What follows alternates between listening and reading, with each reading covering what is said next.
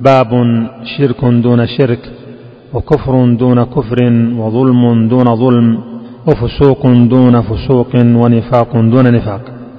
ثم أتى بعد هذا العنوان رقم البيت خمسة ومائتين وكتب صاحب الحاشية سقط حوالي عشرة أبيات من الأصل المطبوع طبعة الرشد.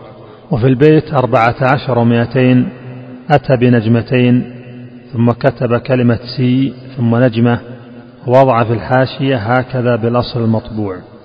وقراءة البيت أربعة عشر ومائتين مكتوب بهذه الطريقة سي طلقا في تظالم الخلق منه الغش والحسد.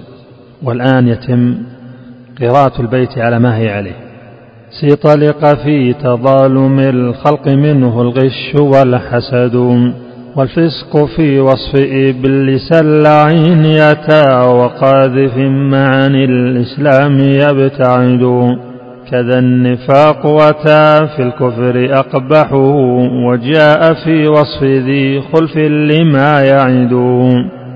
أو خاصموا فجروا أو عاهدوا غدروا والخائنين ومن إن حدثوا فندوا.